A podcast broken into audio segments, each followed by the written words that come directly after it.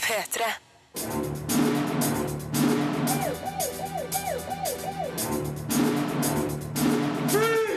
Filmpolitiet! What's your name, dude? Eh, Birger Vestmo. What kind of stupid name is that? Hobbiten Femhærerslaget er en fin avrunding på eventyret.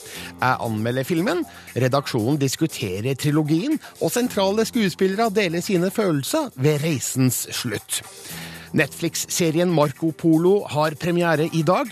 Skuespillerne i serien forteller hva de syns om regissørene Joakim Rønning og Espen Sandberg, mens eh, sistnevnte forteller hvordan de fikk jobben med å regissere de to første episodene, da den femte Pirates of the Caribbean-filmen ble utsatt. Og to dataspill er testa og funnet verdig. Du får anmeldelser av bilspillet The Crew og actioneventyret Lara Croft and The Tomb of Osiris. Filmpolitiet. Filmpolitiet anmelder film. Will you follow me? One last time. En lang reise er over, ikke bare for Bilbo Lommelun og regissør Peter Jackson, men òg for deres publikum, altså oss.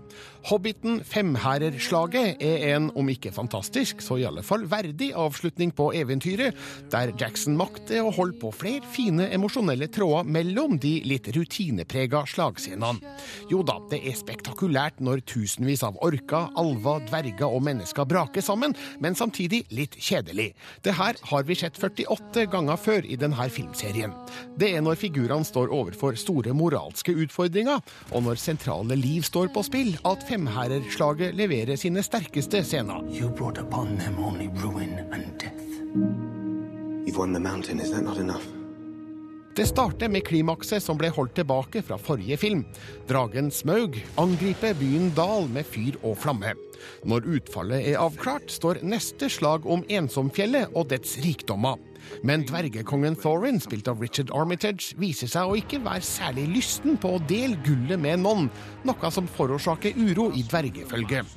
Det brygger opp til et stort slag utafor fjellets porter, når fem armeer samles med hver sin agenda. Thorin, you gave a promise. Bilbo, spilt av Martin Freeman, er igjen historiens moralske sentrum. Den som vet å sette klare grenser mellom rett og galt. Dessverre blir Bilbo bokstavelig talt litt liten i femherrerslaget, og forsvinner i store deler av filmen. Den mest interessante figuren er Thorin, og grådigheten som rammer han i Ensomfjellet, sjøl om forløsninga foregår i kjappeste laget. De anerkjente og kjære skikkelsene i filmen, som Gandalf, Bard, Tauriel og Legolas, har mindre viktige funksjoner. De forsøker stort sett å redde livet til seg og sine, samtidig som de er pliktoppfyllende gjensyn for fansen. Men du skal være svært plassert om du ikke syns at det er tøft når Gandalf, Galadriel, Elrond og Saruman forenes til kamp midtveis i filmen. Leave Sauron to me. Hobbiten Femherrerslaget er som sine forgjengere mesterlig gjennomført rent teknisk. Foto, scenografi, kostymer, lyd og effekter er av ypperste merke, stort sett. Det hender at Peter Jacksons bruk av digitale effekter er noe overdrevet og enkelt å gjennomskue. Jeg minnes Ringenes herre-trilogien for å ha et eh, litt bedre visuelt uttrykk, kanskje fordi CGI-mulighetene var færre den gangen, og bruken av praktiske effekter mer utbredt. Når kameraet sveiper rundt de kjempende hordene i femherrerslaget, får jeg følelsen av å være tilskuer i et dataspill, ikke en film. I will not hide! Mens den siste filmen i Ringenes herre-trilogien, Atter en konge, satt ny verdensrekord i antall avslutninger, har Peter Jackson heldigvis valgt en renere og enklere løsning denne gangen. Filmen forlater oss med en scene som tar oss til begynnelsen av den første Ringenes herre-filmen. Regissør Peter Jackson og hans store stab kan fortjent hvile på sine laurbær, for sjøl om Femherrerslaget kanskje ikke er blant de beste av hans Tolkien-filmer, er det likevel en tilfredsstillende avrunding på et mildt sagt mektig eventyr. Terningkast fire. Dette er Filmpolitiet på P3. P3. Hobbiten Femhærerslaget ble anmeldt til terningkast fire av meg. Men jeg var ikke alene på pressevisninga tirsdags morgen. Jeg hadde med meg Filmpolitiets redaksjon bestående av Marte Hedenstad og Rune Håkonsen. Hallo. Og dere er da åpenbart her nå. Det er vi, vet du. Ja. Det må jo diskuteres. Vi må synse og mene litt om både Femherrslaget, Hobbiten-trilogien og også um, satt opp imot Ringenes herre-trilogien fra mm, 10-13 år tilbake. Men aller først, av oss tre er det utvilsomt deg, Marte, som er den aller største Tolkien-tilhengeren her i Filmpolitiet. det er nok ingen hemmelighet. Nei. Og eh, vi, jeg og Rune, vi satt på hver vår side av deg i kinosalen, og det var jo ikke eh, vanskelig å unngå å legge merke til at eh, du grein. Nei, jeg, det var ganske heftig grining, faktisk. På, Men- men mot jeg- slutten. Jeg lurer på, mot slutten av filmen, gr gråt du fordi det var rørende i film, eller, eller gråt du fordi at en æra i filmhistorien var over? Begge deler. Jeg gråt fordi en, en æra i filmhistorien er over. At liksom en del, et stort kapittel av mitt liv er avsluttet. Eh, Men eh, filmen runder jo av med å lede inn mot eh, The Fellowship of the Ring. Da det kom da begynte jeg å hylgrine. For da, da, da ble jeg så rørt, og så ble jeg sånn Å, herregud, nå må jeg se alle filmene igjen! Og liksom Å, det er så fint, og det er over! Og, Ja, og så ble det litt for mye for meg, rett og slett. Men nå må vi først snakke om femherreslaget som enkeltstående film. Eh, jeg kaller den spektakulær, men litt kjedelig, og da tenker jeg ikke for så vidt på filmen som helhet, men på de mange slagscenene som nødvendigvis må være til stede i Hobbiten. Og dette føler jeg at vi har sett mange ganger før. Var det flere som følte noen tretthetstegn der? Ja, og det tror jeg også henger sammen med måten filmen er strukturert på. For uh, vi fikk jo Altså, den begynner med, hvis jeg får lov til å bruke det ordet, moneyshoten som vi mangla i, i film nummer to, nemlig Smaugs død. Vi må kanskje legge til at det blir spoiler her i dag.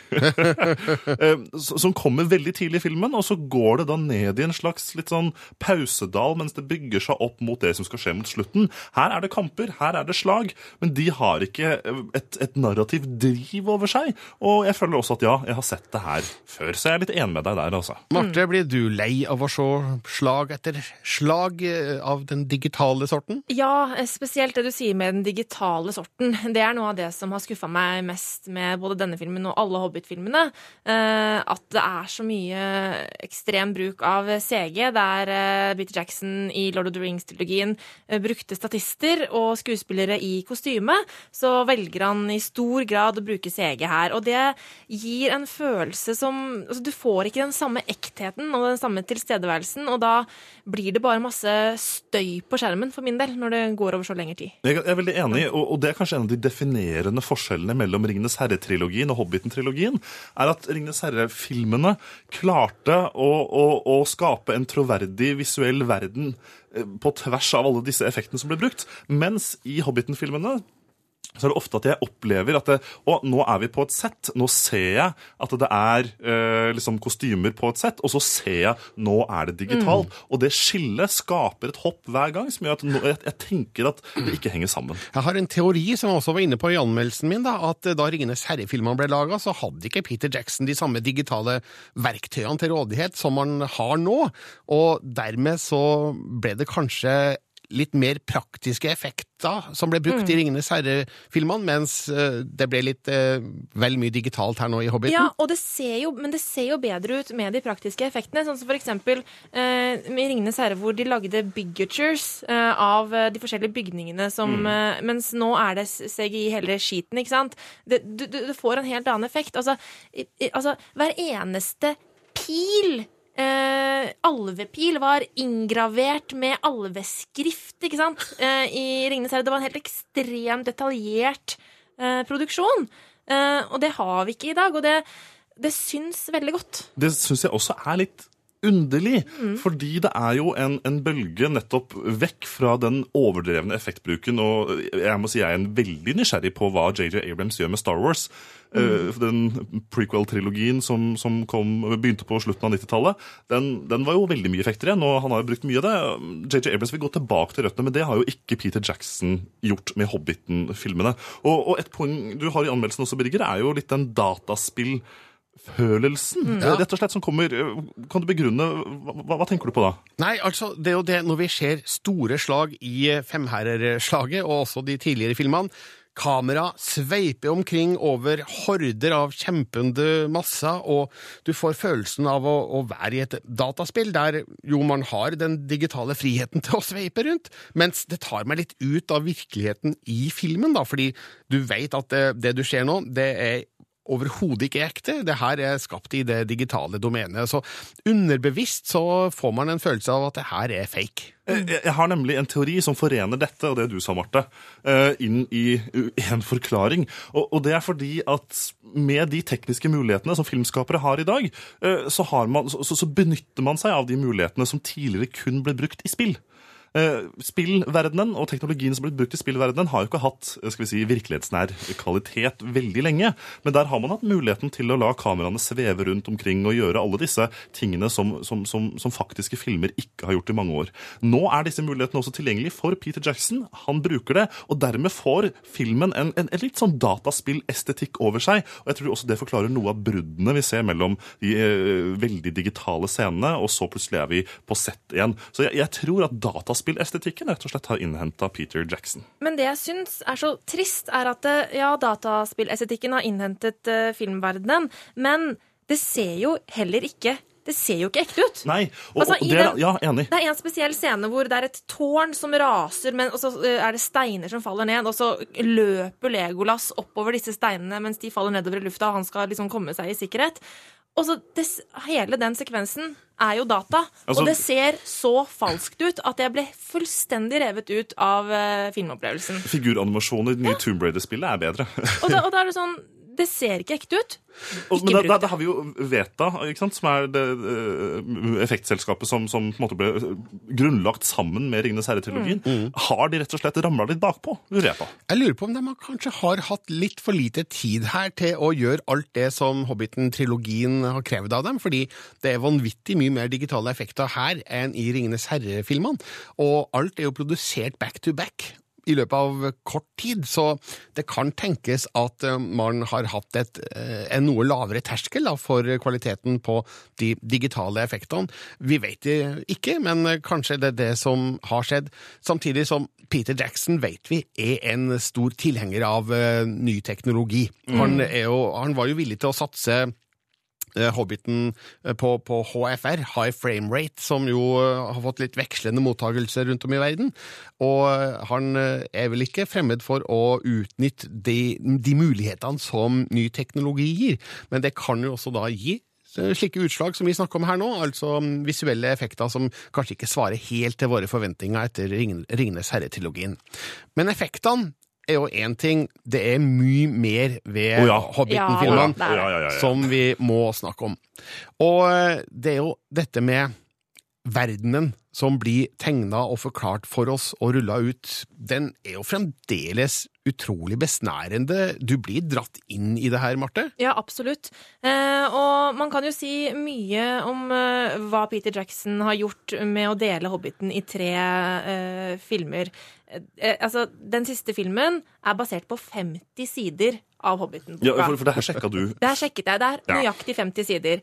Men uh, så er det jo dette med at de, de har jo hentet inn uh, informasjon fra denne, til, altså appen- appendixen i Ringenes herre og masse informasjon rundt eh, universet. Eh, og, og det gjør jo at de bygger ut universet på en måte som jeg syns fungerer veldig godt.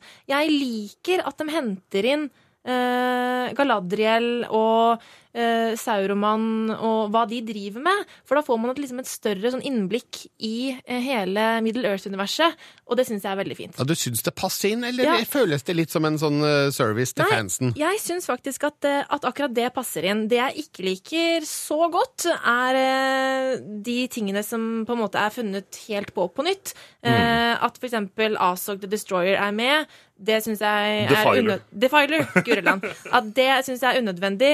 Eh, jeg liker for så vidt Tauriel som en rollefigur, men jeg sy- hun er jo fullstendig oppspinn, da. Hun måtte være med her, tror jeg, for å, at det skulle være en love interest eh, Ja, ute ja, og gikk. men må vi ha en love interest? Nei, altså, vi den, Men er, den var det jo ikke det alt handler om, Marte? Ja, men den, den, den, det, det kjærlighetsforholdet som vi Ja. ser da i de to Det siste. Hobbiten-filmene Fint, ja, men Ja, enig. veldig nødvendig? Kanskje ikke. Nei, og det som er at også Hobbiten handler jo veldig mye om altså, lojalitet og vennskap og kameratskap. eh, eh, og da syns jeg egentlig ikke det er så nødvendig å få inn den kjærlighetshistorien der, Men altså. en annen grunn til at Tauriel er med i de to siste Hobbiten-filmene, er jo at eh, filmene trengte virkelig en Ja. sterk kvinnefigur. Det er jeg jo for så vidt enig i, da. Det Ja. er veldig få av dem i Tolkiens univers. Ja, og jeg syns jo for så vidt at uh, det, det, det er en god figur, spilt av Evangeline Lilly, som, eh, og, som jeg syns passer inn, da, uten at jeg kjenner uh, grunnmaterialet her, for jeg har ikke lest uh, boka av Tolkien, men eh, eh, jeg stussa ikke over på at hun var forfatta inn da, av Nei. Peter Jackson og co. Nei, jeg, jeg er enig, og, og, og i bunn og grunn, også uten henne, så ville det jo bare vært Galadriel Ja, ikke sant? igjen. Men hva syns dere om at de har hentet inn eh, Galadriel og Elrond og Sauroman? Hva Altså, de driver med på ja, sida? Eh, spoiler alert, eh, men den scenen der de dukker opp, den er jo ufattelig kul. Fordi eh, jeg syns også at det er tøft med et gjensyn med de figurene. Men det, det minner meg også om hvor mye bedre Ringenes herre-trilogien som helhet er, da. Når de figurene kommer inn, så eh, føler jeg jo med en gang at det her er mye sterkere og mer interessante figurer enn de fleste nye bekjentskaper i eh, Hobbiten-filmene. Ja. Og bare det å, å se Christopher Lee altså, det, I full fight. Han lever fremdeles! Herregud, han er klodens kuleste fyr fortsatt, altså. Jeg har kanskje en liten hunch om at eh, kampscenene med Saruman, eh, der er det en stuntmann med skjegg. Mest sannsynlig, men eh, jeg tilskriver Christopher Lee all ære likevel. Eh, Det, det som jeg syns er interessant med akkurat denne sekvensen også, for det er jo på en måte eh, Det topper jo eh, en, et, sekven- en del som begynte i de to andre filmene, nemlig med Radagasten Brune. Eh, Heter han det på norsk, forresten? Da ble jeg veldig usikker. Jeg vet ikke hva han heter på norsk. Jeg, har bare lest på engelsk. Ja. Radagast the Radagast the Brown. Brown, i hvert fall. Og jeg var litt nysgjerrig på hvordan de ville på en måte løse opp denne floken fra de tidligere filmene i den siste. Uh, og jeg syns ikke det var en spesiell altså Selve kampscenen var bra, men, men her var det jo en del av filmen som, som virkelig falt igjennom, mener jeg. For han samler jo dyrehæren som også blir en av de fem hærene som kjemper i filmen. Uten at vi får egentlig noe forhistorie på hva som har skjedd. uh, hvorfor han har har blitt som han har blitt, og hva som har skjedd når han engasjerer seg. Vi får ikke se noe særlig at han samler denne hæren, eller hvorfor de kaster seg inn i kampen. Så dette er på en måte, det- Det kunne like godt het en, en, en The Battle of the Four Armies, syns jeg. Eh, Når du tenker på akkurat denne, dette aspektet. Hvorfor var Gandalf fanga? Hva skjedde med han når han kom seg løs? Og veien videre der. Det syns jeg var en ganske svak del av filmen. altså. Men eh, hvordan og hvorfor han ble fanga Det var jo i forrige film. Det så vi Jo, jo, men altså, ja, ja, ja, ja, absolutt. Men det, det burde vært en slags eh, ikke, ikke en recap, men en slags eh, introduksjon inn igjen til måte, hva er det som har skjedd her. Ja, Hvorfor er han fanga? For det blei veldig sånn Her er han! Ja, Bla, bla, bla. Nå kommer de og slåss. Men hele filmen bygger jo på at Altså, den starter jo rett på! eh, Og forventer at du den, den slipper nøyaktig der den forrige slapp. Så jeg tror rett og slett at Peter Jackson og co. har bare, for, bare forventer at uh, kanskje du har nettopp sett de to første filmene, at du har alt friskt i minnet. Og det kan jo være lurt, da, kanskje, å, å se i Mm. Ja, hvert fall den forrige filmen, uh, sånn at du har dette- den friskt i minnet. Dette er ikke en film du kan se alene. Nei. Nei, nei, nei, det er det virkelig ikke. Det er jo den siste delen. Jeg tenker òg at uh, filmen er forholdsvis kort eh, i Peter Jackson-sammenheng. Ja. Den er to timer og 15 minutter pluss rulletekst.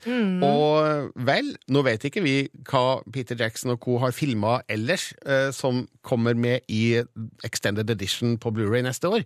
eh, Som helt sikkert kommer. Ja. Kanskje er det mer kjøtt på beinet der, Rune, i forhold til det, det du snakker om. Men eh, apropos kjøtt på beinet. Vi var jo inne på det at eh, den tynne, tynne Tolkien-boka, eh, Hobbiten, har blitt da til tre svære filmer. Nå har vi sett alle tre. Var det forsvarlig å gjøre dette til tre filmer? Nei, mener jeg. Uh, to filmer hadde vært mer enn Enig. nok. Uh, og da må vi kanskje understreke to filmer av uh, Peter Jackson-lengde, altså. eh, sånn at de skulle beholdt sin tre timer lange format. Det hadde funka, men tre filmer Nei. Eh, Jeg føler at den siste filmen her kunne vært spleisa inn eh, i de to andre på, på ulikt vis, rett og slett. Jeg er enig. Jeg er enig. Ja, jeg er også enig i det. Eh, Jeg syns det er en del ting i de tre filmene som dras veldig langt ut. Og da tenker jeg spesielt på noen er dere kanskje uenige med meg, men jeg tenker spesielt på innledninga av den første filmen. Der er jeg selvfølgelig helt uenig! Den, de, første, de første 40 timene tilbringes jo i eh, Bag End. Ja, og jeg gråt, Birger, av glede. Og da jeg Jeg Men det tar jo så lang tid! Men, det er, men altså, den, den starten, det er eh, fan Altså, det er frieri til fansen. Ja. Eh, fordi det er starten på absolutt hele det svære eventyret som dette her skal bli, med Lord of the Rings og alt. Og bare hvordan Bilbo var, og hvordan han blir dratt ut med på dette eventyret, og sangene og alt. Altså, det er en så stor del av tolken eh, at det måtte bare med. Jeg tror eh, Altså, jeg ville blitt veldig skuffet eh, hvis, eh, hvis det hadde vært eh, bare liksom sveipet fort forbi for å komme i gang med action. Ja, men om, OK, 20 minutter da, i stedet for 40. ja, OK, kanskje, da, men jeg syns det var veldig fint. Men det er mange store slag, eh, spesielt i den siste filmen, som også kunne vært korta ned. Jeg syns det er mest interessant, som jeg også sa i anmeldelsen, når, eh, når, eh, når det er færre figurer eh, foran kamera, og det står ting på spill, og ikke bare digitale figurer som blir slakta ned. Og jeg- det er jeg helt enig i. Jeg syns altså Richard Armitage skinner best egentlig i denne filmen eh, av de tre. Eh, du skriver i din anmeldelse at, at det løser seg kanskje litt vel fort, eh, denne dragesyken, maktsyken, som han får når han endelig inntar Erebor. Men akkurat det å, å være med på å se hans fordervede sinn bli mørkere og mørkere, det er kanskje en av mine favorittdeler av, av, av hele filmen. Og jeg syns Richard Armitage skal ha mye skryt for å ha klart å få fram den galskapen og det mørket akkurat i The Battle of the Five Arms. Not one single Ja. coin. Er det litt sånn jeg- pek til Gollum? Jeg fikk gåsehud. Er det sånn Gollum-pek? Precious. ja, kanskje, Ja, det er kanskje jo grann, eh, naturligvis det. Men, eh, men eh, jeg, må, jeg likte også den delen veldig godt. Men, men jeg syns kanskje det ble litt sånn overdrevet, den stemme... Måten stemmen hans ble brukt. Igjen og igjen og igjen. Eh, At det var veldig sånn oppumpa eh, la- Tenkte dere ikke over det? Jo, altså, jeg, jeg, jeg skjønner hva du mener, Altså, men, men, men, litt, sånn, litt sånn ekko. Det var veldig liksom voldsomt, da. jeg, men jeg syns ikke det var så voldsomt. Så det, jeg skjønner okay. hva du mener, Syns men du- det funka. Ja, okay. jeg syns ja. det, var- syns det var stilig. jeg. Ja, Okay, okay. Jeg syns det, jeg syns- det var stilig litt, men jeg syns at de gjorde det så lenge at det, at det ble litt sånn OK, ferdig med den wow. Men en ting jeg har lagt merke til i Hobbiten-filmene, er at jeg, jeg, får liksom ikke helt grep på alle figurene. Hvem er dem, og ja, hva heter dem? Altså, jeg, jeg vet du hva, Unnskyld meg, jeg husker ikke hva noen av de dvergene heter. Det er Filly og Killy og Ja. Kili og Fili og Bomber og Nori og Ori. Ja, Ja, ja, ja. altså, Ja, men, men, altså, det, det er et stort galleri da, Ja, med, men, med figurer som, er, som, som man ikke får et like nært forhold til alle. Og interessant nok, syns jeg, i, i femherreslaget så er jo Keeley, altså love interest til Tauriel, kanskje vel så fremtredende som Bilbo er, rett og slett. Og, og jeg syns Martin Freeman som du også nevner, har en overraskende liten rolle, Ja. pun, intended, i, eh, i filmen som, som helhet. Ja, det er jo fordi at eh, altså det er, Peter Jackson har jo utbrodert dette slaget helt vanvittig mye. Det er som kanskje, Jeg husker ikke akkurat hvor langt selve slaget er i boka. Det er kanskje en side eller noe sånt. Det er, det er veldig kort. Eh, og Bilbo blir svimslått sånn med en gang, og så er han bare i, i svime i resten av slaget. Ja, Det skjer jo i filmen også. Det skjer jo i filmen, men så våkner han opp litt igjen, og han får en litt sånn at han må gå og gi beskjed om farer som truer og sånn. Eh, Men, men eh, det er jo da Peter Jackson som har prøvd å gi han en litt mer sånn heltemodig rolle enn det han kanskje egentlig har i akkurat det slaget. For eh, altså Bilbo er jo Han er en liten helt, men han er jo ikke noen kriger. Så, så han har jo på en måte Hva skulle han gjort, på en måte, i det slaget der? Eh, En annen ting jeg tenkte på da jeg så filmen, var at Martin Freeman spiller litt, litt kjedelig. Ja, Men jeg vet ikke om det er Martin Freeman eller om det er figuren Bilbo som faktisk skal være sånn. Jeg er enig. Han, han er liksom avmålt, på en måte. Altså litt er litt vanskelig å sette fingeren på nøyaktig hva det var. Ja. Men, men, men jeg, jeg skjønner hva du mener. at han, han, det, det, det, En kombinasjon av at han hadde en litt lite fremtredende rolle i, i filmen som helhet, i forhold til at den faktisk er en hovedperson, eh, kombinert med en litt sånn rolig og mutt eh, stil på selve skuespillet, Ja. som gjorde at kanskje Bilbo ble en mindre helt enn det han kanskje burde vært. Rolig og mutt, det var faktisk en grei forklaring eh, eller beskrivelse på, på det. Han, eh, altså Bilbo er liksom ikke så veldig glad når han har grunn til det, og han er heller ikke så veldig trist når han virkelig har grunn til det. Nei, det er kanskje litt sant, det. Så ak akkurat den Bilbo jeg så i første filmen, samsvarte veldig med min opplevelse av Hobbiten-boka. Jeg syns ikke den Bilbo jeg så i den siste filmen her nå, eh, helt er det samme. For man må jo også se på hva slags reise har Bilbo vært på. Hva har han lært? Hva har han opplevd? Eh, nå så ser jeg for meg at han reiser tilbake til Lommelund og er en, en litt sånn deprimert, sur type. Eh, ikke en som har eventyret Nei, ja, for det er jo det han i ryggsekken. ha. ryggsekken. Og det er det som er viktig når man går over i Ringenes herre-trilogien og, og ferden videre med Frodo, syns jeg, da. Men jeg, bare, jeg, men jeg bare lurer på om Martin Freeman er litt bundet opp av måten Ian Holm spiller den gamle Bilbo på i Ringenes herre-filmene. Fordi eh, der er han jo også litt sånn eh, avmålt og Nei, jeg jeg ikke. Det Jeg, syns at Ian. Ian Holm balanserer ytterpunktene bedre, da. Sånn at han kan være veldig glad, og så kan det være Ja, altså- de, når det trengs. At han balanserer ytterpunktene eh, på, på en helt annen måte. Ja, for at da, der ser man på en måte en, en hobbit som har vært eh, glad og eventyrlysten og alt sånt der, men som begynner å bli ganske gammel, ikke sant? Han er jo veldig gammel. Så, og derfor blir man jo litt, når man blir eldre, så blir man jo litt sånn satt i sine Kanskje, ways. kanskje Martin Freeman rett og slett ble litt lei? Etter, Ja, og- eh, og- Hvor lenge var det? To år? Tre år? Eller Ja, noe, sånt? Ja. Så eh, her må vi bare ta en, en sånn liten uh, tanke på at vi også sendte en NRK-reporter til å møte skuespillerne i London, og, og intervjuet med Martin Freeman bar jo også preg av at han var trøtt og sliten, selvfølgelig sikkert for å gjort mange intervjuer, men også litt lei av en rekke spørsmål. Så at det, det kan være at du har litt rett, at han er litt klar for å gå videre, rett og slett. Men når det er sagt, så syns jeg, eh, spesielt i den første filmen, at eh, Martin Freeman er en veldig, veldig fin Bilbo. Ja, ja, i den første filmen, definitivt. Mm. Det er jeg helt enig. Eh, Jeg må, når vi da har vært inne med å snakke om Jeg likte jo Richard Armitage veldig godt her. Ja. Jeg må også få lov til å dele min frustrasjon over det jeg mener er det, det, det, det verste med Femherreslaget. okay. For med denne filmen, og det, det sa jeg til dere rett etter at jeg gikk ut av kinosalen også, Ja. så mener jeg at Peter Jackson har fått sin Jar Jar Binks.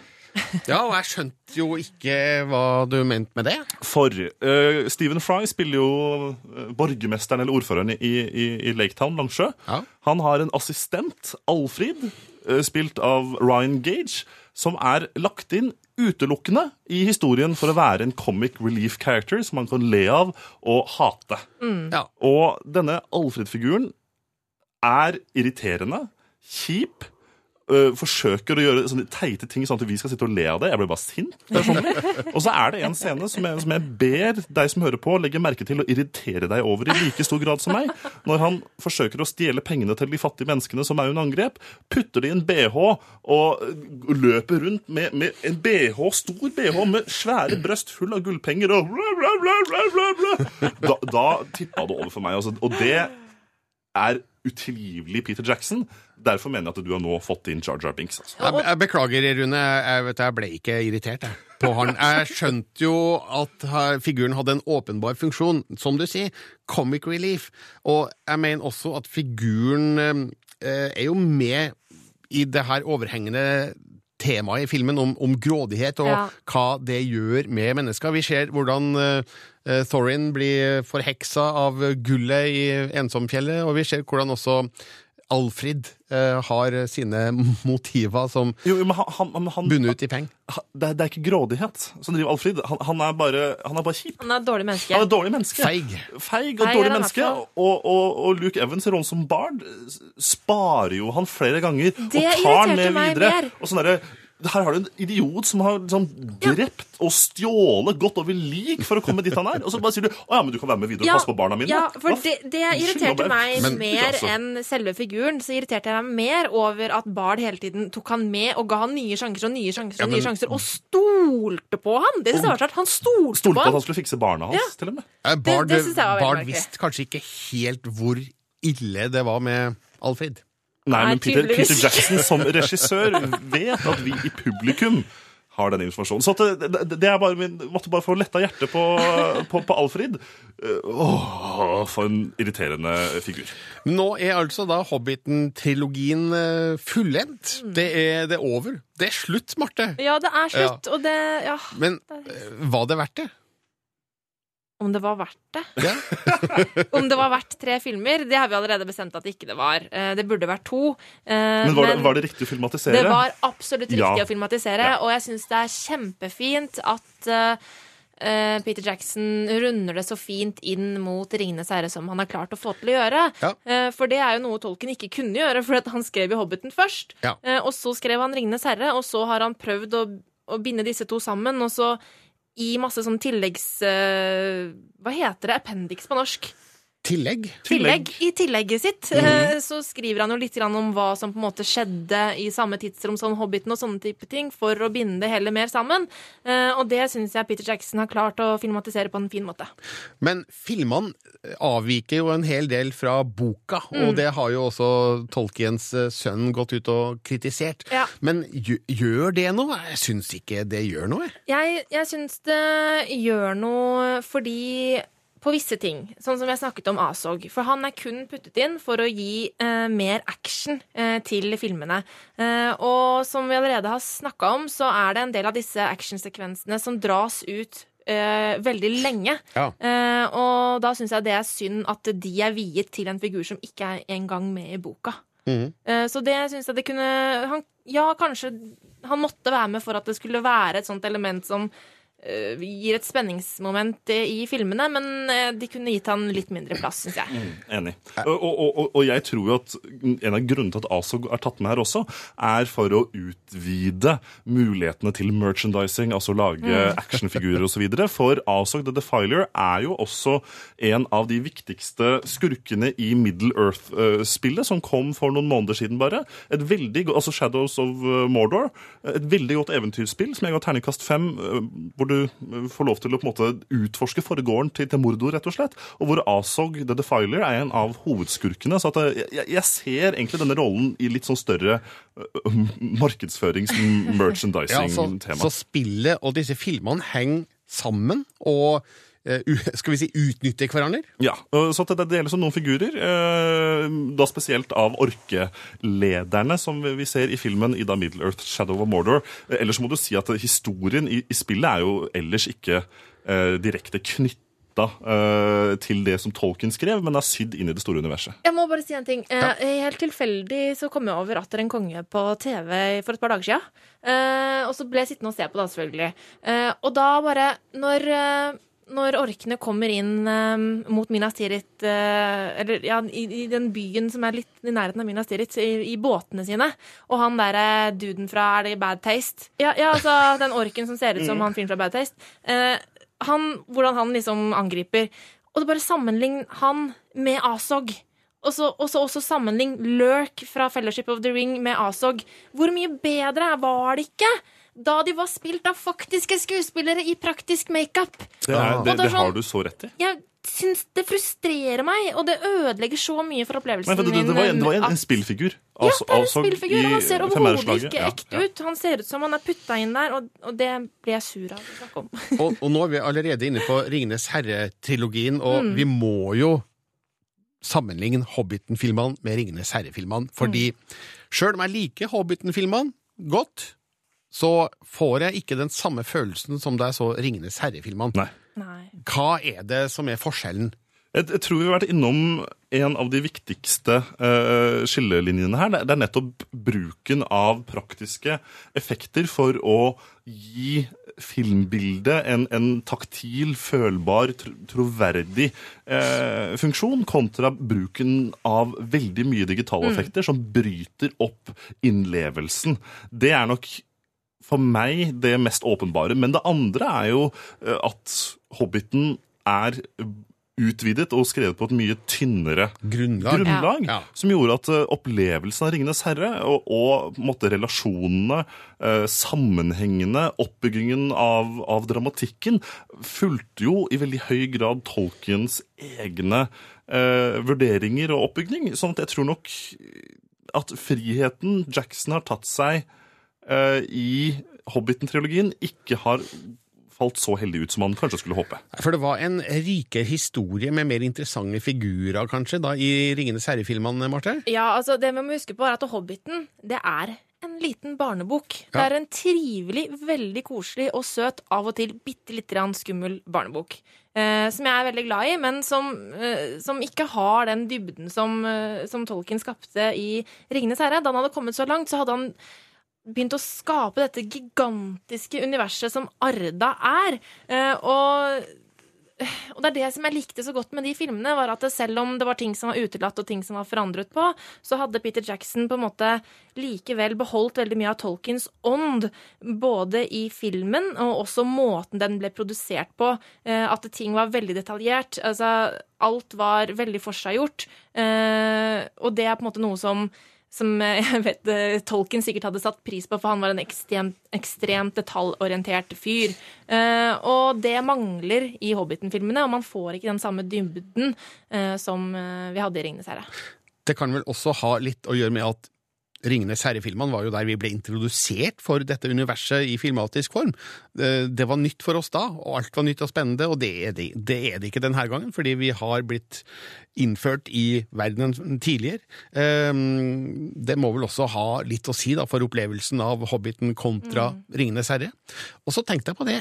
Peter Jackson han har jo holdt på med det her nå da, i totalt eh, 17 år, fra første forberedelser og fram til nå.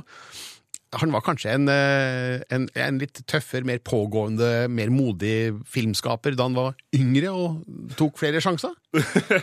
Bad taste.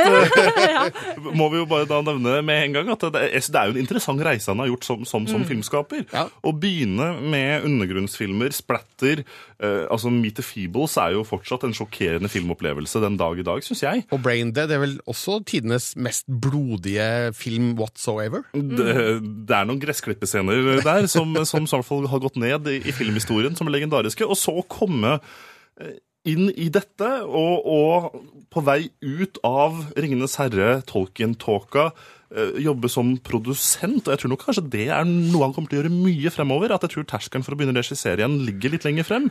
Eh, Han produserte jo Tintin-filmen med Spielberg. og Jeg tror nok vi kommer til å se en god del sånne type prosjekter uh, framover Ja. eh, fra, fra, fra Jackson. Men, men han sa jo også eh, i intervju med NRK at eh, han har allerede nye ideer til filmer som holder på å bygges kloss for kloss i hodet hans. Ja. Og han har flere ting på, på gang. Og Luke Evans fortalte jo også at uh, la mannen få hvile. la han ja, gjøre noe annet. Ja, nå skal, nå skal Peter Jackson riktignok eh, regissere den neste Tintin-filmen, og det blir jo en, hel, det, ja. blir jo en heldigital uh, lekegrind for han, da. Mm. Uh, så det kanskje passer veldig godt for han etter å ha jobba så mye med, med folk ute i newzealandsk natur. Men, men, men er dere enig i at kanskje er det slik at eh, han hadde en skarpere, tøffere stil eh, på Ringenes herre eh, tidspunktet enn nå på Hobbiten? Eller har han greid å holde rimelig likt tempo? Det er et veldig godt spørsmål. veldig vanskelig å svare på. Eh, det, Jeg, jeg tror nok at drivkraften var sterkere, eh, og, det synes i Ringenes herre-filmene. Og at maskineriet For vi må ikke undervurdere hva slags maskineri denne mannen har sittet midt oppi også. Ja. Eh, Med milliarder på milliarder kroner av verdier som forvaltes og styres av studiosjefer og markedsgrupper, og de skal eh, lage T-skjorter her og sengetøy der, og, og, og hvor mye vekt som har blitt lagt på skuldrene hans etter suksessen med Ringenes herre. Ja. Eh, Så jeg, jeg tror vi ser en, en, en, en mann hvor kreativiteten og drivkraften som først gjorde at han starta prosjektet. For han har jo også sagt altså, hvis ikke jeg gjør dette, så vil jeg ikke se den filmen jeg har lyst til, til å se. Eh, og han har jo kommet i mål med det, men jeg tror, jeg tror kanskje han har blitt litt tynga. av, av, alle, av alt, alle omstendighetene, og at den kreative kraften har blitt tappa litt. Jeg lurer så innmari på hvordan den, eh, eh, den aller siste scenen de filmet, var. Tenk hvordan det må ha vært for han. Etter 17 år, og så nå er det den aller siste scenen. Ja, Vi vet jo ikke hvilken av scenene som var den aller siste Nei. som ble fotografert, men uh, det må jo ha føltes eh, ganske rart. Men i Å kunne rope 'it's a rap', da tenker jeg litt sånn derre ja, men, in, men i intervjuet som uh, vår NRK-kollega Christian Ingebretsen gjorde i, i London, så, så sa jo Peter Jackson til han at eh, han, han, han har ikke noe veldig mye sentimentalitet rundt det her. Han, eh, Da syns jeg han er blitt overraskende kynisk. Altså, i, jeg husker at da de på tilleggsmaterialet på uh, Atter en konge-DVD-en, så, så, film- så hadde de jo med Uh, i den dokumentaren om filmen Uh, Ja. den, den siste scenen de filmet der. Og det var ganske mye, det var ganske mye tårer og klemming og alt mulig sånn der. det- det har du rett i, jeg tror altså. han overdriver litt når han sier at han ikke er så sentimental. Det er en ting veldig mange lurer på, og det er kommer det mer? Fordi det finnes jo ting eh, fra J.R.R. Tolkien som det kanskje kan gå an å lage film ut av. eh, Simarillion. Eh, Ja. Først, for de som ikke vet det, hva er Simarillion? Det er vel en, en, en, en samling av fortellinger eh, som fortelles både før, under og etter Som finner sted før, under og etter de hendelsene vi kjenner i 'Ringenes herre' Ja. og, og 'Hobbiten'. Altså, det er mytologien, Yes. rett og slett. Eh, Så det, det er mye litt for å bygge ut universet, bygge ut sagaen, historiene som blir fortalt til barna i, i, i Langsjø, f.eks. Hva slags eventyr hører de? Det er denne type fortellinger som Ja. ligger i Silmarillion. Og hvordan var det verdenen ble skapt, liksom. Det, Ja. det begynner helt der. Eh, og jeg tror ikke at Silmarillion kan filmatiseres. Men Ikke- jeg tror sånn sin- historier fra Silmarillion, det tror jeg kan skje. Men- man kan ta tak i elementa Ja. derifra og Mm. utvide til noe helt nytt, sånn som Peter Jackson har gjort med store deler av Hobbiten. Ja, og, Eller for eksempel sånn som vi ser nå med, med Harry Potter.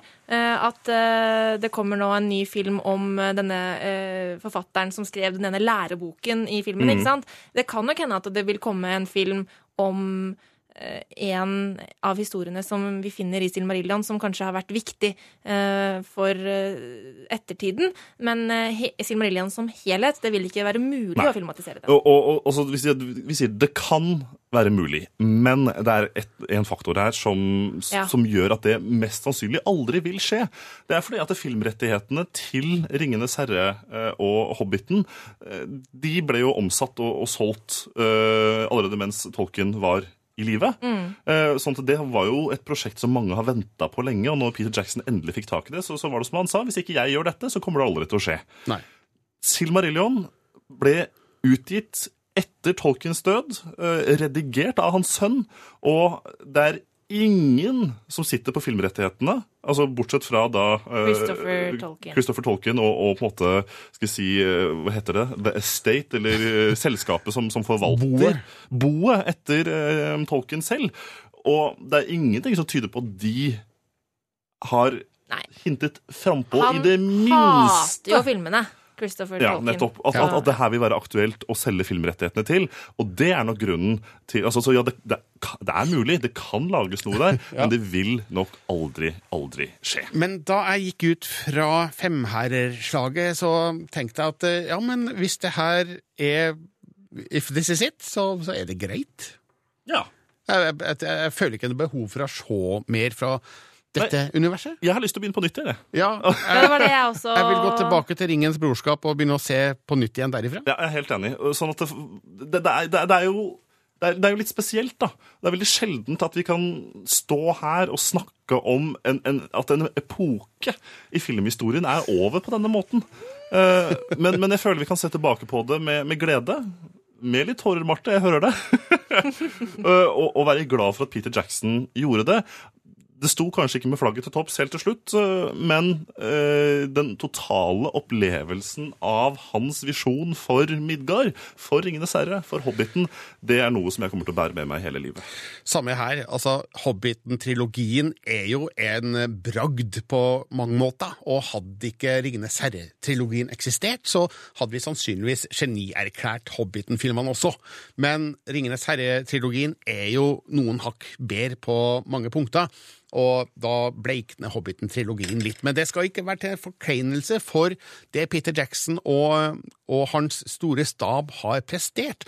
Og sjøl om jeg ga Femherreslaget terningkast eh, fire og syntes at noe var litt eh, kjedelig, og at de digitale effektene var litt overdrevet her og der, så ble jeg underholdt. Altså, jeg føler meg dratt inn i denne eventyrverden, og jeg syns jo at historien, eh, sjøl om enkelte elementer kan føles litt tynne, at historien den er, den er god nok til å rettferdiggjøre eh, et eh, lengre epos.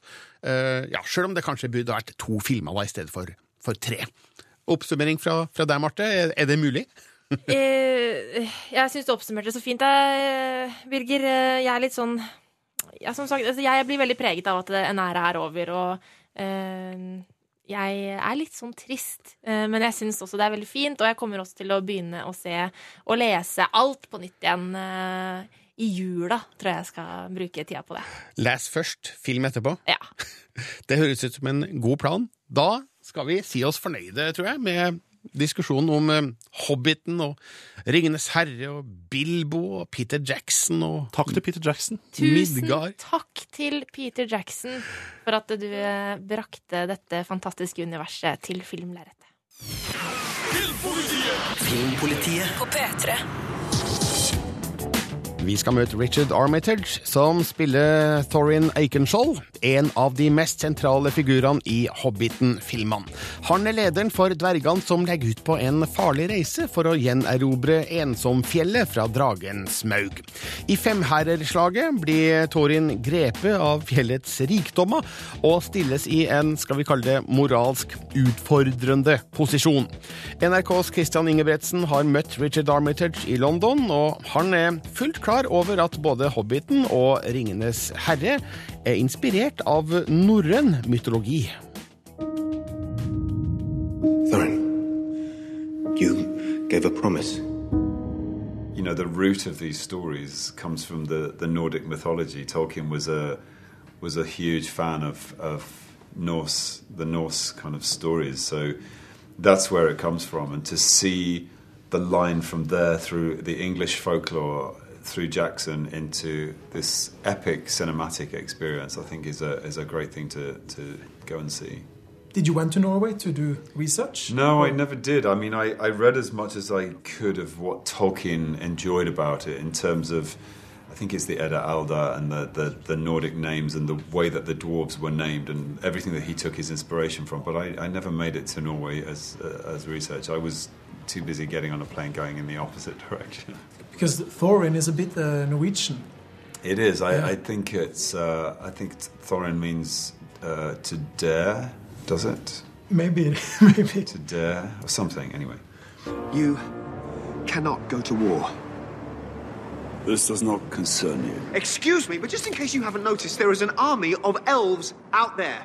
There are a lot of battle scenes in the movie, especially uh, for your character. Yeah. Uh, do you do your own stunts?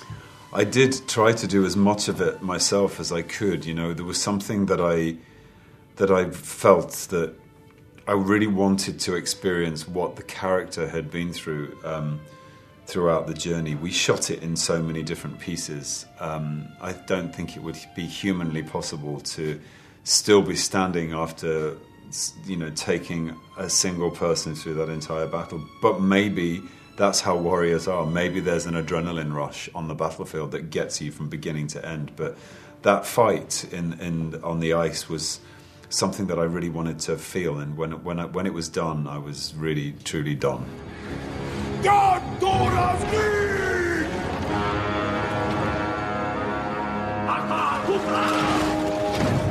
Some of the reviewers have written that it, they think it's too many long battle scenes. Okay. What do you think of that opinion? Well, uh, Tolkien described it as the Battle of the Five Armies, so it had to be something truly, truly epic.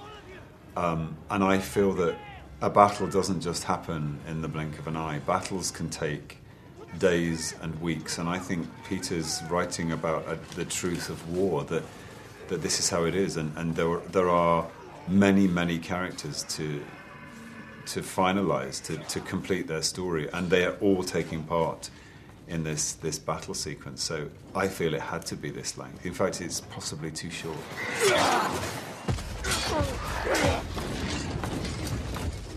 How does it feel to be finished now with the three movies? Uh, it's really satisfying to be to be sort of talking about the final movie in its finished state. I'm very very proud of of the work that we all did, and I'm so thrilled for Peter that he's got a, a film that he's also proud of, and it's it's finished in a way that I never expected. There's a, there's a technological uh, expertise here that, that I've never seen before. But out of these uh, three movies, which one is your favorite? certainly this particular movie. I mean, in terms of my character, I just get such an interesting journey to go to the depths of despair and rise to the heights of heroicism is is something that happens very, very quickly and in the space of one movie. It's just such a thrilling ride. We are, in fact, outnumbered. Not for much longer. What does that mean? It means, Master Baggins, you should never underestimate dwarves. Dette er Filmpolitiet på P3. P3. Richard Armitage synes Femhærerslaget er den beste av Hobbiten-filmene, som kanskje ikke er rart, siden hans rolle som Torin Eikenskjold har avgjørende betydning i den. Reporter i London var Christian Ingebretsen. Vi har snakka med flere skuespillere fra filmen om deres tanker om at det nå er slutt. Først ut Orlando Bloom, som har spilt Legolas i seks filmer mellom 2001 og nå. Han føler at han har vært gjennom flere avslutninger. It feels like there's been um, a lot of, of, of finishing. So, because we finished the movies like two or three years ago, and and, and um, you know we've seen the last movie and, and this movie. Um, I mean, honestly, I, I I don't think I've really kind of it's really landed, but I do have a great sense of gratitude and appreciation for having been a part of these films. Um, you know, there's a wonderful sense of achievement to be a part of these films, and I and I I hope that Pete feels that more than anyone because he's um, he's brought these films to audiences all over the world in, in such a um, beautiful form. So one day maybe my grandson will look and watch the movie and say, "Yeah, I'll be dead and buried," and he'll be like, "Yeah, that was great grandfather Leggy or whatever," you know. Det sa Orlando Bloom, som nok har skrevet seg inn i en flik av filmhistorien med rollen som Legolas i Ringenes herre og Hobbiten-filmene. Luke Evans har gjort seg bemerka i den siste trilogien som bueskytteren Bard fra Langsjø. Han syns det er trist at han ikke skal spille Bard mer. Oh, it feels it's sad. It's a bittersweet feeling. It's um, it's moment of uh, achievement, you know, an accomplishment. It's a big job that we've done, and Peter's been working at it much longer than anybody else, and um, and now we've come to the end of it. It's finished. It's done, and now we have this final brilliant chapter that uh, I feel is the best of the three. It really is a very powerful two and a, two hours of of film, and it's you get all that you want from it. I think it ticks all the boxes. So um, yeah, it's sad, but you know, it's time to say goodbye. Og vi sier farvel til Luke Evans og går over til selveste Ian McKellen, som har spilt Gandalf i begge trilogiene. Det her er en av de mest markante figurene i hele serien, og McKellen tror han aldri blir helt ferdig med rollen, sjøl om filmene nå er historie. Well, it's the at least as far as the dwarves are concerned, as far as Thorin is concerned, as far as Bilbo is concerned. You feel you feel a part of a very big adventure, and uh, a little bit of sadness, nostalgia for for the very enjoyable time that we've had filming. But in no sense is it over for me because I constantly meet people who want to talk about the films and, and uh, ask questions and, uh, and and meet Gandalf. But I have to remind them I'm not Gandalf. Gandalf is somewhere else. Gandalf is sorting things out somewhere. So So that, that's, that's my impression of the, of the whole of this uh, 13, 14 years we've spent on six very large films, is that none of us did it by ourselves. We were doing it in the company of wonderful people uh, and uh, to a large audience.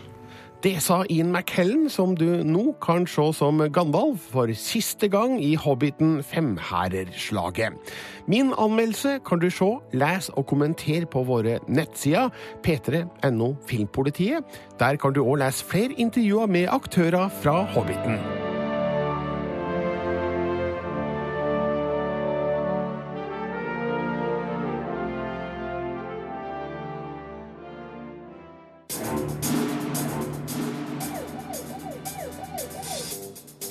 Høsten 2014 har stått i bilspillenes tegn.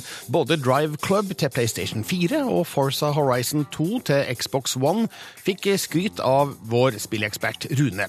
Sist ut i rekka av storsatsinga med brum-brum-fokus er Ubisofts The Crew, som i forrige uke kom ut til både Xbox One, Xbox 360, PC og PlayStation 4.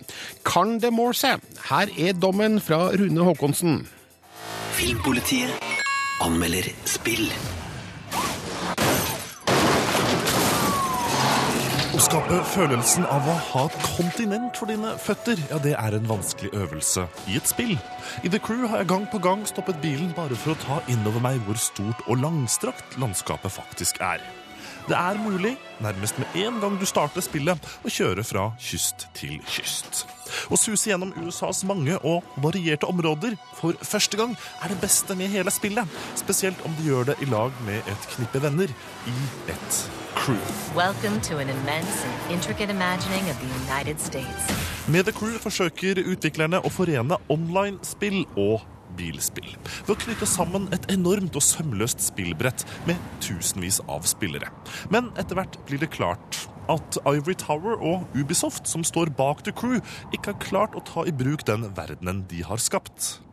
I likhet med andre online-spill starter du i et begynnerområde, hvor spillet introduserer sine funksjoner og muligheter. The Crew gjør dette ved å plassere spilleren i sentrum for en klisjéfylt 'du må gå undercover for politiet'-historie.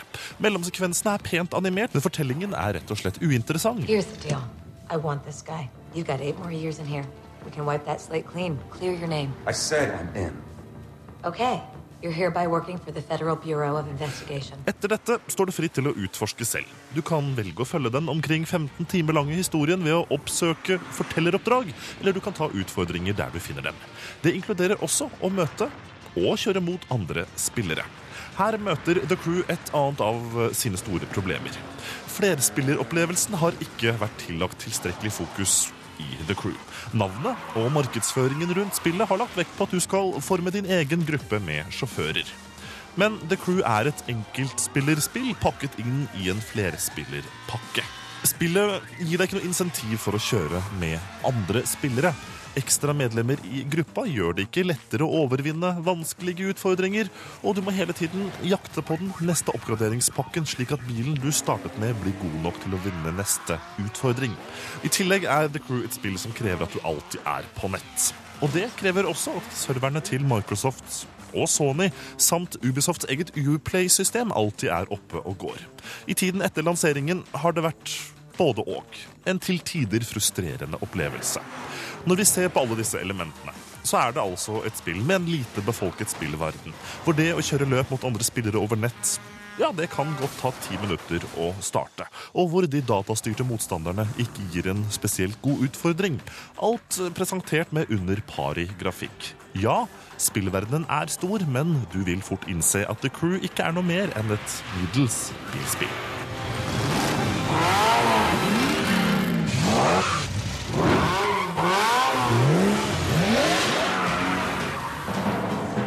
Terningkast tre. Les mer om film, spill og serier på p3.no Filmpolitiet. Blant høstens tre store bilspill havna Ubisofts The Crew på jumboplassen. Det var anmelder Rune Haakonsen som avsa dommen. Du kan si din mening og se klipp fra spillet på p3.no Filmpolitiet. Der finner du òg anmeldelser av to andre bilspill, nemlig Drive Club og Forza Horizon 2, som Rune anbefaler i stedet. Filmpolitiet Filmpolitiet På P3. I dag er det premiere for Netflix-serien Marco Polo, der de to første episodene er regissert av Joakim Rønning og Espen Sandberg, sandefjordingene bak filmene Max Manus og Kon-Tiki. Marco Polo er et historisk drama bygga på eventyrerens opplevelser i Asia på 1200-tallet. Filmpolitiets Marte Hedenstad har tidligere anmeldt de seks første episodene og kaller det her et episk karakterdrama fullt av intriger, politikk, krig og sex. Både skuespillerne og skaperen fra Netflix-serien Rose, Joakim Rønning og Espen Sandberg, får arbeidet deres med de to første episodene. Regissørduoen omtales som både fryktløse og eventyrlystne. All my life, I waited for the great adventure. Det er utvilsomt et godt stykke fra en Kon-Tiki-flåte i Stillehavet og til et mongolsk keiserdømme på 1200-tallet. Men eh, dette ble også spranget for de norske regissørene Espen Sandberg og Joakim Rønning. Fra Thor Heyerdahl til Marco Polo. For meg var great. Just two guys. And, and you know, at the beginning was for me because I didn't know what, what to expect from anything. You know, um, I'm an actor from Italy, but I've never faced a huge production like this. And Espen and Joachim were like the first ones that like brought me in slowly, and they were Espen og Joakim var de første som dro meg inn i dette, forteller den italienske skuespilleren Lorenzo Richelmi, mens han med hendene drar i et imaginært tau. Han spiller Marco Polo i serien. NRK møter ham og flere andre skuespillere, sammen med både skapere og produsenter her i London. Den norske regissørduoen sto bak de to første av de til sammen ti episodene som nå har premiere på strømmegiganten Netflix. In Kung Fu, we say, one Han lies. Netflix håper at serien, som har kostet nærmere 650 millioner kroner, skal kunne konkurrere med verdens mest populære serie, HBOs Game of Thrones. Som sjefprodusent finner vi Daniel Minahan, som har jobbet med nettopp Game of Thrones, og også serier som True Blood og Homeland. Han kaller valget av de to nordmennene som naturlig. Given the scale of the work that they do uh, and the beauty and the elegance that they work in, they seem like the perfect candidates for this. And they really inspired everyone all, all along. You know, they were just the right guys for this. Selve serieskaperen heter John Fusco, og er kanskje aller mest kjent for de to westernfilmene Young Guns fra slutten av 80-tallet, men også fra nyere filmer som The Forbidden Kingdom. I think you know they they're the real deal when it comes to filmmaker as artist with with an epic vision, but at the same time they're also real movie fans, and uh, it was really exciting to work with them. If the Lord Khan dies while you're gone, so does your only advocate. Take this tragedy for what it is. Spennende, ja. Det synes også kinesiske Susu, som spiller den mogolske prinsessen Kokachin. Hun måtte være sammen med nordmenn en stund, før hun helt følte hun hadde knekket koden deres. Collaborations of the two was incredible. They they like they're like one person, but they're also more than one person. First time, first time I met them, I thought they were a couple, and then I thought they were probably brothers, and then I realized they're neither of them. They're just two friends who's been working together for like decades. I kjent Netflix-stil gjøres samtlige ti episoder tilgjengelige med en gang. Espen Sandberg og Joakim Rønning krediteres som executive producers, eller sjefprodusenter, på de påfølgende episodene der de selv ikke hadde regi. Who proves his loyalty to me can take whatever he wishes. Espen Aas, London. Dette er P3.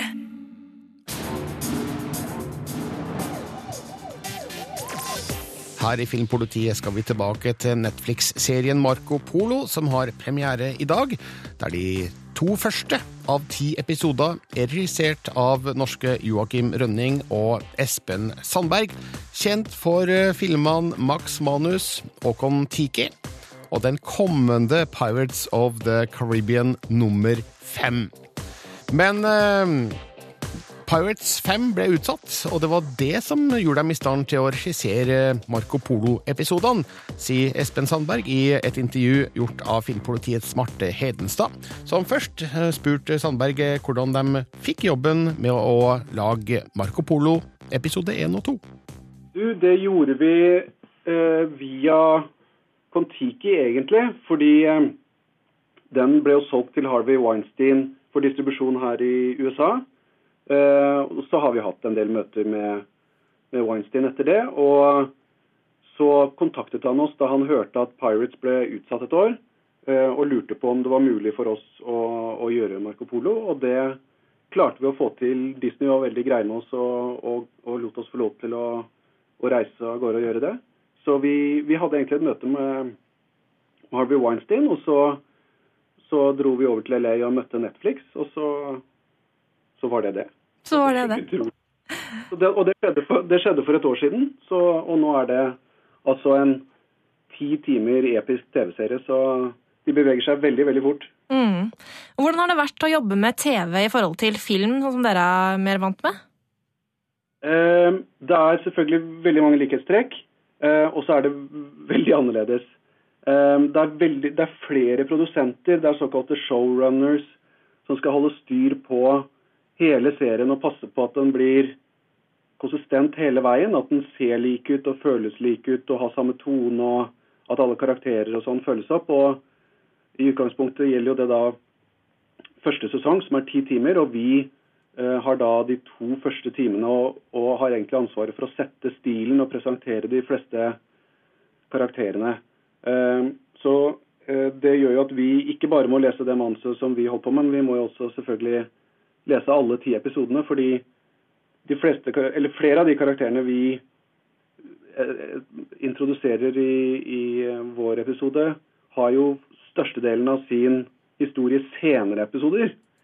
Um, så vi må jo ha styr på alt det der. Så det er, du må ha ti timer film oppi hodet, uh, men lage to av dem. Mm. Uh, så det er, det er, ganske annerledes. For vi er mye mer vant til å selvfølgelig i spillefilm å, å avslutte. Ja, ikke sant? Ja. Så det er litt uh, utfordrende. Men, Men det, det, var veldig gøy. Ja, det er veldig gøy. Og det, det er veldig gøy å, å, se på også. Jeg likte, jeg likte serien veldig godt. Uh, men det er jo en veldig sånn storslagen produksjon. Uh, så det er jo på en måte en del av filmting som dere sikkert har brukt i dette, selv om det er på TV. Hvordan er det dere har jobba for å få den der storslagne filmeffekten inn på TV-skjermen? Det var litt av det de de ansatte oss for å få. Eh, for de syntes at vi hadde klart å lage en, en veldig episk film av Kon-Tiki, og få den også til å se stor ut, selv om den egentlig foregår på en bitte liten scene, eh, som er den flåten. Så eh, det handler jo noe om å, å, gi det noe av den klassiske storfilmfølelsen som man har i Lawrence of Arabia og sånn, f.eks. Med, med ja, altså mye horisont og en del store scener, rett og slett. Eh, det er altså sånn vi liker å, å lage. Det innebærer jo at man må reise en del. altså Vi har jo bl.a. tilbrakt ganske mye tid i Kasakhstan eh, for å få det til. og det, det var en eksotisk opplevelse, kan jeg trygt si. Jeg, jeg tror ikke Joakim og jeg kommer til å spise så mye hest mer. det var, var det mye hest til middag? Det var veldig mye hest til middag. Hvordan, er, ikke, er, ikke, det egentlig ganske godt, da? Jeg har hørt at det er godt, det. Jo da, den, det, det, det, var, det var ok. Men det var en eksotisk opplevelse. for vi, vi, Det er der russerne sender opp rakettene sine fordi det er ingen der. Så hvis det går gærent, så treffer du ikke noen. Um, og det, det, kunne vi virkelig føle. Altså, vi, var, vi, var, vi kjørte i to, to timer hver dag ut på settet ut fra de minste byer som vi noen gang har vært i. Og det, vi så, det eneste vi så, var liksom et par gjetere. Mm. Så, så, det var så en må reise tilbake i tid. Radioen fungerte ikke i bilen og sånn. Så det var det var, det var, Men det passer fantastisk til serien altså å være med på å gi det den scopen, som man sier, mm. til, til bildene. Eh, litt om eh, skuespillerne. Jeg syns Lorenzo Rechelmi, passa veldig godt i rollen som Marco Polo. Eh, men han er jo litt sånn ukjent fjes, for oss i hvert fall. Hvordan var han å jobbe med som skuespiller? Han er fantastisk. Han er jo han er skuespiller. ganske erfaren fra Italia, men har ikke gjort noe engelskspråklig før. Så Men det var jo Altså, vi har jo castet, og nå overdriver jeg ikke, faktisk tusenvis. Både i Amerika, Australia, Asia og Europa for å sette sammen det persongalleriet som er i serien. Eh, og da var selvfølgelig Lorenzo den som var aller, aller viktigst. Eh, og det var litt dragkamp sånn frem og tilbake med produsenten om det skulle være en engelskspråklig skuespiller eller en, en italiener. Og, og, og vi er veldig glad for at det ble Lorenzo, for det gir en selvfølgelig en mye mer ekte følelse at han faktisk er italiener. Og han er også en fantastisk skuespiller. Og jævlig hyggelig fyr. Mm. Eh, der. det der med språk eh, for er, Han er jo italiensk, og det er jo flere italienere med, og, det er jo flere som skuespiller fra det landet de, de skal spille rollefigurer fra. Men, men likevel så er det jo veldig mye engelsk dialog. Eh, er det, var det noe dere bestemte, eller kom det fra Netflix?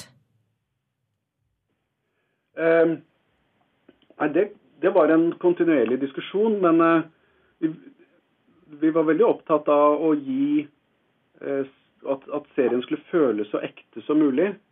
Eh, og du må nesten ta et valg om, om alle sammen skal snakke perfekt engelsk, eller om de skal ha en aksent. Og vi kom ganske tidlig frem til at vi ville at de skulle ha en aksent. At det ville gi autentisitet til det. Mm. Um, må, eh, NRK var jo i London for et par uker siden og intervjua castet fra serien. Um, og da fikk uh, både du og Rønning veldig mye skryt for hvordan dere jobbet uh, sammen. Uh, og så var det noen som sa at dere var som et ektepar, og at dere var som én person som hele tiden så det store bildet. hvordan er det å høre det? Ja, det med ektepar-greiene jo voldsomt.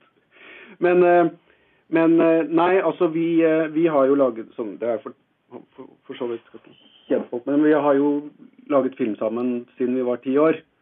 Eh, Så, så ja, jeg tror vi jobber ganske sånn sømløst etter hvert. Det, det er i hvert fall vårt mål. Så å høre at de skuespillerne også syns at det fungerer, det er jo utrolig hyggelig. Mm. Um, litt grann om Marco Polo som figur. Han er jo jeg vet at Sjæl er jeg veldig sånn nært forhold til han. Han er blitt eh, portrettert en hel haug med ganger opp gjennom både filmhistorien og TV-historien. Eh, hvordan forhold er det dere har til han som historisk figur? Nei, vi, vi kjenner oss delvis igjen i han i den forstand at han også er en historieforteller. da. Det syns vi er veldig spennende med han. Eh, I tillegg til det så er det jo visse paralleller for så vidt til Thor Heyerdahl også. Eh, så det er vel et eller annet med der som tiltrekker oss med sterke personligheter som går veldig langt eh, og, og reiser inn i det ukjente og oppdager nye ting både ved verden, men ikke minst seg selv. Og så syns vi det store bildet i serien også med at vest møter øst, det, det føles veldig relevant i dag. Da tror jeg vi skal ta bare litt Pirates-prat på slutten her. Espen, eh, hva er det dere driver Altså, innspillingen starter i februar, stemmer det? Det stemmer. Ja. Eh, Hva er det dere driver med nå frem mot innspilling? Du, nå eh, holder vi på å kaste, først og fremst. Finne skuespillere. Vi holder på med å bygge sett, båter, byer. Og så holder vi på å eh, laget innspillingsplanen, sånn at vi vet hva vi skal gjøre når, og når ting er klart, og i forhold til skuespillernes tilgjengelighet og sånne ting. Eh, Så det er et enormt eh, logistisk arbeid som, som pågår nå. For det er, jo, det er jo ingen liten produksjon. Nei. Hva kan du si om castingprosessene? Er det lov å avsløre noe der, eller? Eh, ikke noe mer enn det som har kommet ut. Nei. Det, allerede, det, det har jeg ikke lov til. Eh, men, men den er ganske intens nå, så nå, nå kaster vi både i Australia og Amerika og, og England, og vi flyr frem og tilbake hele tiden. Så eh, det blir eh, det blir, det blir en veldig spennende eh, skuespillergjeng å jobbe med der òg, altså. Det, det gleder vi oss veldig til. Og, og filmen den var jo utsatt, og nå er dere endelig i gang. Hvordan er det å, å å endelig være i gang med, med prosessen der? Nei, det, det er vi veldig glad for. Det er ikke noe gøy å vente. Men eh, sånn ble det på Kon-Tiki og, og Max Manus også. Det er, det er ganske vanlig, det. Så, fordi det er, eh, det er stort og komplisert, og det har med tilgjengelighet til skuespillere og sånn å gjøre også. Eh, Og det er jo enda viktigere, eller enda strengere her, på en måte. Men, eh, men jo, vi er veldig glad for å være i gang. Det sa Espen Sandberg til reporter Marte Hedenstad. Pirates of the Caribbean Dead Men Tell No Tales starter altså innspilling i Australia i februar, og får eh, premiere, etter planen i hvert fall, i juli 2017. Filmpolitiet anmelder spill. Ja, og nå har jo jeg gått rundt og sagt, Rune Håkonsen, at du skal komme hit og anmelde Lara Croft and The Tomb of Osiris. Jeg ble kanskje lurt der av Tomb Raider-historikken? Vet du hva, Jeg forstår deg godt, Birger, men det heter Lara Croft and the Temple of Osiris. Ja, han viser jo hvor mye jeg veit. Set is raising his army. Croft, are you sure we're up to killing a god? Have you come to battle before? Lara Croft eh, fikk en ny retning på spillfronten i fjor, Rune. Yes, Spillet som Square Enix ga ut da, eh, fokuserte mindre på pupper, mer på person. Og nå var jeg litt nysgjerrig på om dette spillet ville fortsette eh, denne skal vi si, trenden. Eh, Lara Croft the Temple of Osiris er jo en liten sånn spin-off fra hovedspillserien, hvor man er vant til å løpe rundt i tredje person og drive skyte litt og klatre opp og ned på gamle artefakter og, og ruiner. Dette er litt mer sånn Diablo-aktig spill, hvor man ser i fugleperspektiv ned på Lara Croft og hennes kompanjonger. Men det som var litt skuffende med Lara Croft and the Temple of Osiris, er at det ikke føyer seg inn i den historieretningen som spill, spill forrige spill pekte ut. Her er det guder, her er det magi, det er litt overnaturlige ting som, som romsterer omkring, og selvfølgelig når gudene er på trappene, eh, så er det mumier som er greia i Egypt som vanlig. Eh, Lara må ut og samle kroppsdeler fra da eh, Osiris, eh, guden fra dødsriket, og dermed har man lagt grunnlaget for hele historien. Den er ganske kjedelig og lite inspirerende fortalt. Rett og slett at du må inn og samle kroppsdeler. Så når du fullfører et brett i Lara Croft and the Temple of Osiris, så får du 'Å, vær så god, du har en fot'. Okay. nå, nå må du finne den andre delen. Så historien her den går i en annen retning, og den er ikke spesielt god, syns jeg. Alene så er også Lara Croft and the Temple of Osiris et litt kjedelig spill, for da man kombinerer man mange av elementene inn i én og samme figur. Det er mange puslespill som er nøkkelen til hvordan man skal løse dette tempelets mange hemmeligheter. Det blir først morsomt når man er flere om beinet. Opptil fire spillere kan spille sammen enten over nett eller lokalt, og akkurat dette syns jeg fungerer ganske godt i Lara Croft and the Temple of Osiris, heldigvis, og det løfter spillet opp fra en total katastrofe for min del. Og dermed så ligger karakteren på Terningkast tre. Ja, og man kan da gå på våre nettsider og lese mer om Lara Croft and The Temple of Osiris. Ja, og, og vet du hva, jeg, jeg tror det er ganske mange som er uenige med meg, for dette er altså oppfølgeren da til et lignende spill, eh, Lara Croft and The Guardian of Light, som fikk veldig god mottagelse. Jeg var også skeptisk til det. Kanskje det er noen der ute som er uenige, har lyst til å legge inn en kommentar i kommentarfeltet. P3.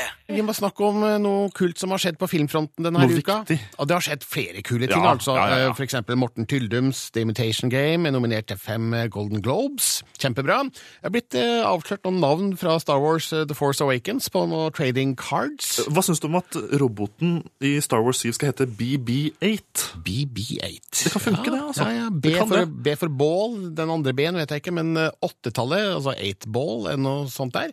Eh, Poe Dameron skal spilles av Oscar Isaac.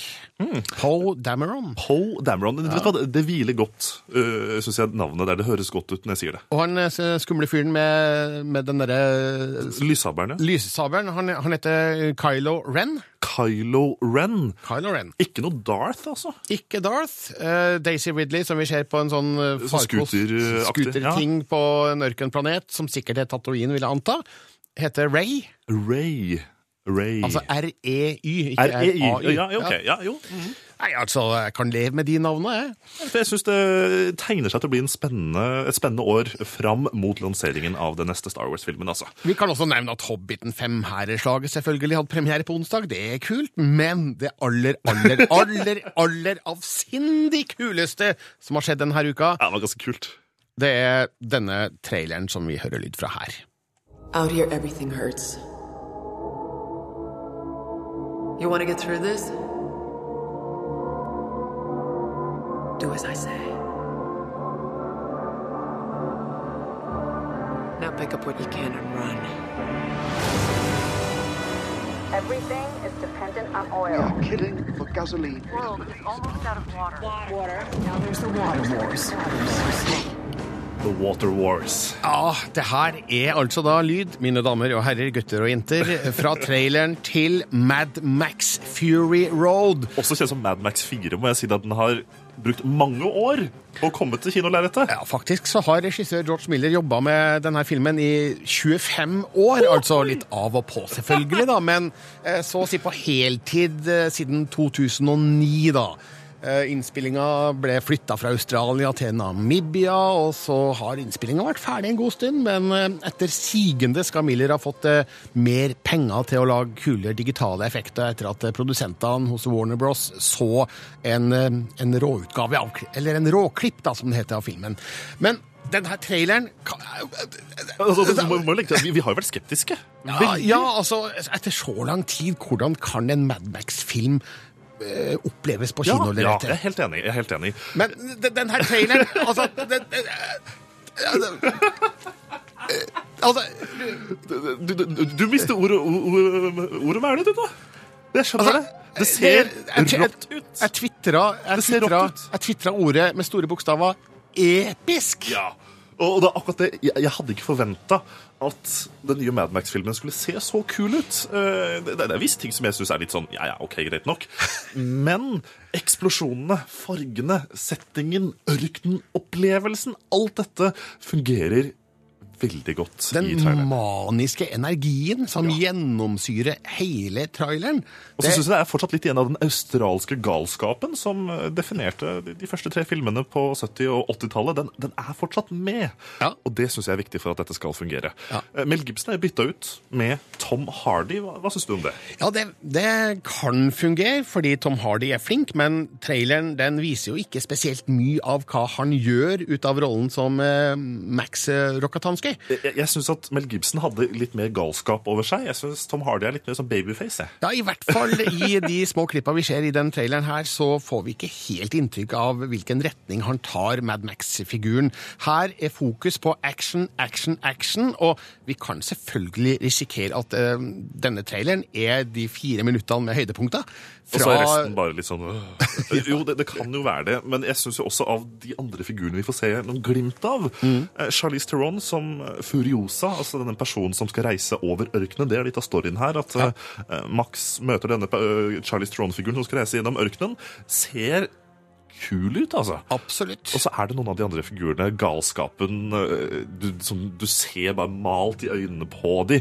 Uh, figurene som, som hopper rundt på biler i høy fart mens det eksploderer. Pow, pow, her, her. Eh, Vet du hva, jeg har litt trua, jeg. Altså, dette er så utrolig langt over toppen at det bare må bli vanvittig kult. Jeg kan ikke forstå det. Og, og det er kanskje akkurat det uh, George Miller må gjøre med Mad Max 4, uh, eller Mad Max Fury Road, er nettopp å gå så over toppen at han klarer å fortsatt beholde interessen til de som vokste opp med Mad Max på tidlig 80-tallet. Det, det er min teori. Ja, og ikke minst eh, fang interessen til de som aldri har sett en Mad Max-film, for nå er det tross alt mange år siden den eh, forrige kom, altså Beyond Thunderdome. Det er 1985 vi snakker om her. Ja, og Mad Max Fury Road får premiere i mai 2015, så vi snakker om et 30-årsjubileum. da.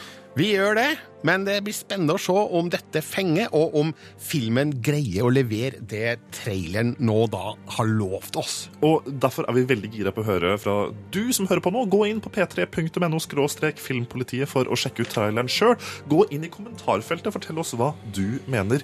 Du kan også få si din mening på Instagram, der du søker opp NRK Filmpolitiet. For all del. Eh, nå, rett etter sending klokka 13, eh, når Kristine går på lufta Jeg skal selvfølgelig høre på Kristine, men eh, f før det så skal jeg se traileren til Mad Max Fury Road om igjen tre ganger.